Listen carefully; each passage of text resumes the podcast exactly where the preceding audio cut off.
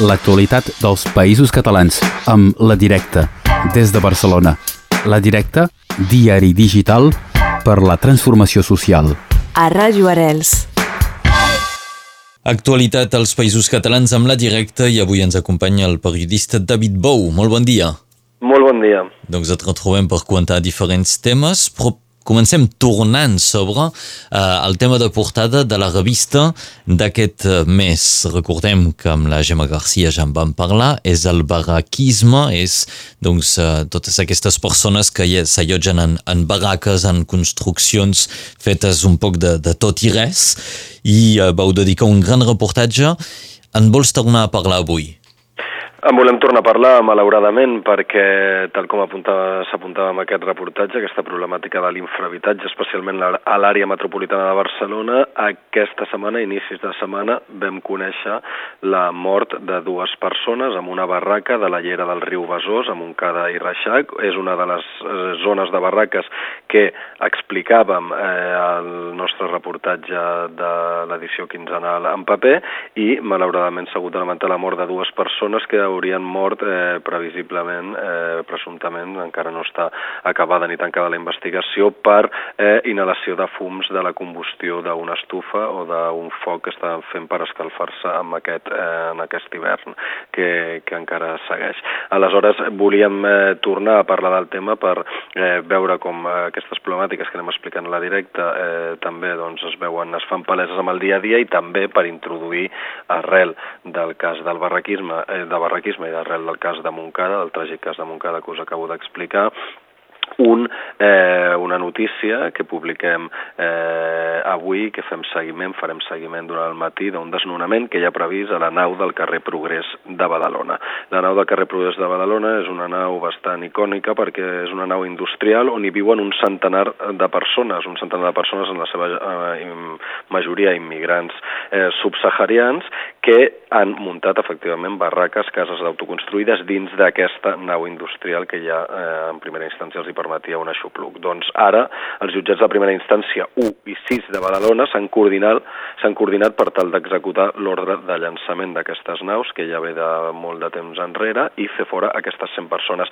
Què acabarà provocant això, si realment s'efectua? És que aquestes 100 persones, lògicament, que ja viuen en unes condicions d'infrahabitatge, però almenys tenen un sostre dintre d'una nau industrial, hagin de buscar-se la vida i puguin acabar amb barraques com les que explicàvem el, que, el número anterior i amb succés processos com els que han, han ocorregut aquesta setmana. Amb el, ja l'afegitó d'aquest cas de la nau industrial de Badalona, eh, la nau pertany a la Sareb, la Sareb és el banc dolent, eh, no sé si estaran al cas tots els oients de Radio Rels, el govern espanyol, el govern del Partit Popular, amb la crisi econòmica de 2018 i el rescat del sistema bancari eh, espanyol, va crear el banc dolent, anomenat Sareb, per tal, que és una entitat semipública, per tant, d'absorbir tots els actius tòxics dels bancs, totes, aquells, eh, totes aquelles propietats, eh, principalment immobles, que els bancs eh, havien s'havien quedat sense haver-ne tret profit, amb deutes, i eh, les va absorbir l'Estat de tal manera que es va evitar una sagnia econòmica molt gran pels bancs i ara eh, els bancs estan revenent a preu de mercat eh, tots aquests eh, pisos, totes aquestes propietats que al seu dia van aconseguir o els hi va comprar l'Estat, eh, els hi van poder vendre a l'Estat a preu a preu de saldo. Per tant, aquí hi ha una implicació i el que demanen és les entitats que donen suport eh, a aquestes 100 persones que viuen a les naus de Badalona és que demanen a l'Ajuntament de Badalona i a la Generalitat de Catalunya que facin una mediació amb la Sareb, que al final té participació de l'Estat, del govern central, i que els hi donen mesures habitacionals i socials alternatives perquè no caiguin eh, en una situació de barraquisme més greu de la que ja pateixen. És un tema sobre el malallotjament que retrobem a la portada de l'etern retorn del barraquisme és el títol de la directa. Altre tema que vols destacar portem els nostres oients ara cap al Bages. Aquí, ba aquí Bages és, és un poble, és un vilatge, allà és tota una comarca. Sí, el Bages, igual els, els oients ho identificaran si diem la seva capital. La capital del Bages és Manresa. Manresa és al vell mig eh, del Principat, és el que s'anomena la Catalunya Central, i tothom qui hagi passat per aquestes contrades alguna vegada eh, s'haurà fixat perquè salta a la vista i és un element malauradament eh, peculiar i característic del paisatge amb la gran muntanya blanca de sal que hi ha a tocar de Sallent. Aquest, eh, aquesta muntanya de sal és fruit de eh, l'activitat minera al Bages, no? de tota l'extracció de sal que s'han fent durant tots aquests anys, i les empreses responsables, amb el ser actualment ICL Iberia, antigament Iberpotash, eh, van anar acumulant tot eh, el residu de la sal que no anaven utilitzant, que anaven extraient i que no anaven utilitzant, fins al punt de crear una muntanya, perquè es facin una idea als oients. És una muntanya que anualment eh, té una cursa, un trail running, que li diuen una cursa de muntanya amb participants que van des de a baix de tot de la muntanya fins a dalt i que triguen a pujar més de mitja hora, entre mitja hora i una hora, eh? perquè ens fem la idea del tamany d'aquesta muntanya. Doncs ara resulta que tot i que el Tribunal Superior de Justícia, ha ordenat, tot i que va ordenar que es retirés aquesta muntanya de sal, eh, de sobte s'han tret un as de la màniga, amb un, han fet un procediment de modificació del pla director urbanístic de l'activitat minera al Bages i el que volen és que en lloc de eh, fer eh, la retirada de la muntanya de sal, cobrir tota aquesta muntanya de sal amb plaques eh, fotovoltaiques. Aleshores, eh, això ho explica Gemma Garcia en un reportatge, és una qüestió que està generant molta polèmica eh, a, la, a la comarca i que veurem finalment eh, com acaba perquè té l'oposició de moltes entitats, sobretot ecologistes, que el que demanen és que es retiri aquesta muntanya de sal, d'altra forma també respectant el que eh, diu el propi manament judicial del Tribunal Superior de Justícia de Catalunya. Donc si podeu fer un cop d'ull a les fotos, és una muntanya prou impressionant. Eh, he vist que fa uns 500 metres d'alçada aquesta muntanya, més o menys?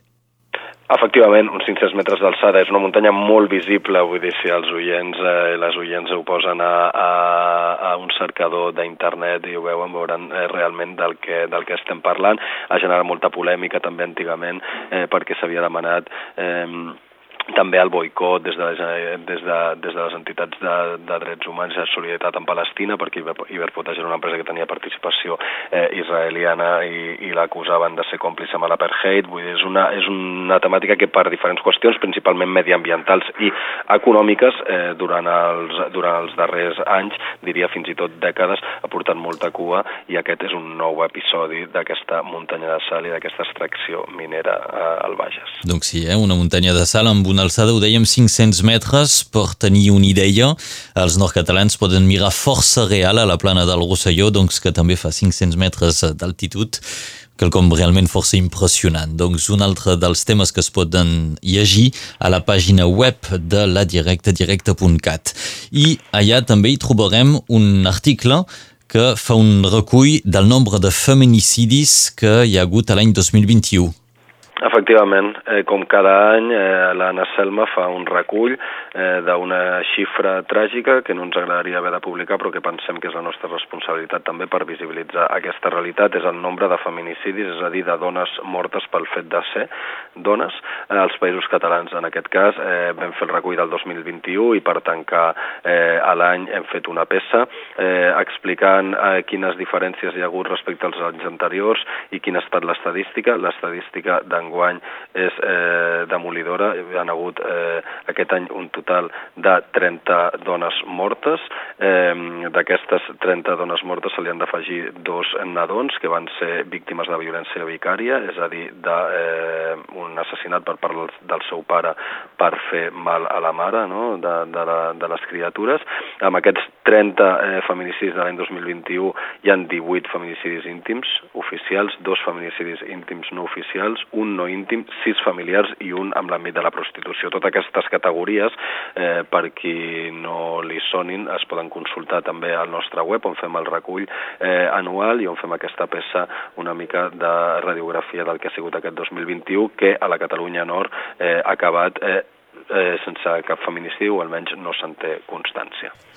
Bé, són temes que retrobem a la directa, directa.cat. Ens ho explicava avui el periodista David Bou. Moltes gràcies, David. Moltes gràcies a vosaltres, com sempre. L'actualitat dels països catalans amb La Directa, des de Barcelona. La Directa, diari digital per la transformació social. A Ràdio Arels.